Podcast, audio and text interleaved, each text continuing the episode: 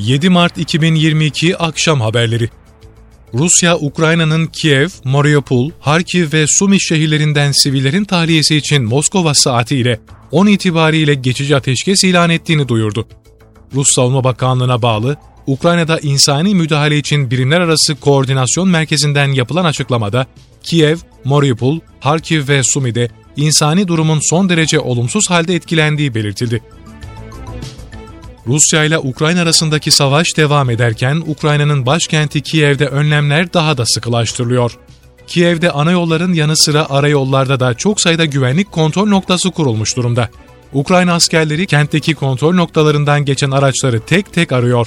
Kentteki yollara beton bariyerlerin yanı sıra tanklara karşı hazırlanmış çok sayıda demir engel yerleştirildi. Kiev'in önemli bölgelerine kum torbalarından oluşan barikatlar kurulmaya devam ediyor. Bazı siviller kum torbalarının hazırlanmasında gönüllü olarak görev alıyor. Birleşmiş Milletler, Rusya-Ukrayna savaşı nedeniyle yaklaşık 1 milyon 735 bin mültecinin Ukrayna'dan komşu ülkelere geçtiğini bildirdi.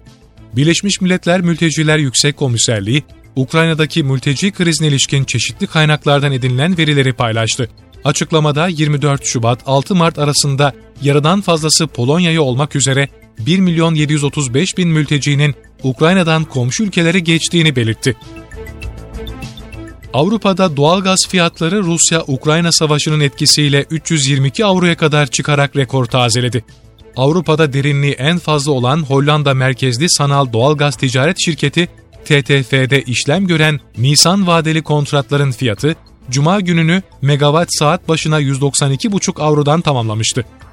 Bugün megawatt saat başına 210 avrodan açılan kontratların fiyatı, Cuma günü kapanışa kıyasla %67 yükselerek Türkiye saatiyle 11.30'da megawatt saat başına 322 avroya çıktı.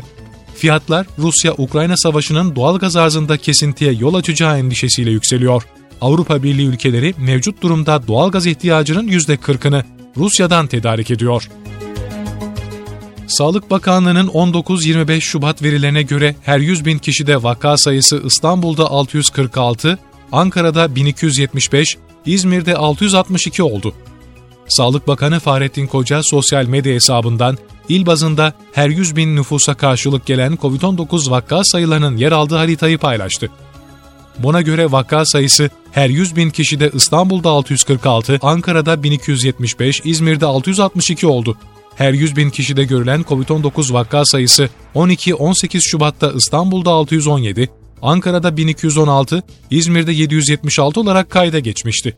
Bakan Koca vaka yoğunluğu bir önceki haftaya göre en çok artan 10 ilin Kırşehir, Aksaray, Eskişehir, Bolu, Bilecik, Ardahan, Sivas, Ankara, Isparta ve İstanbul olduğunu belirtti.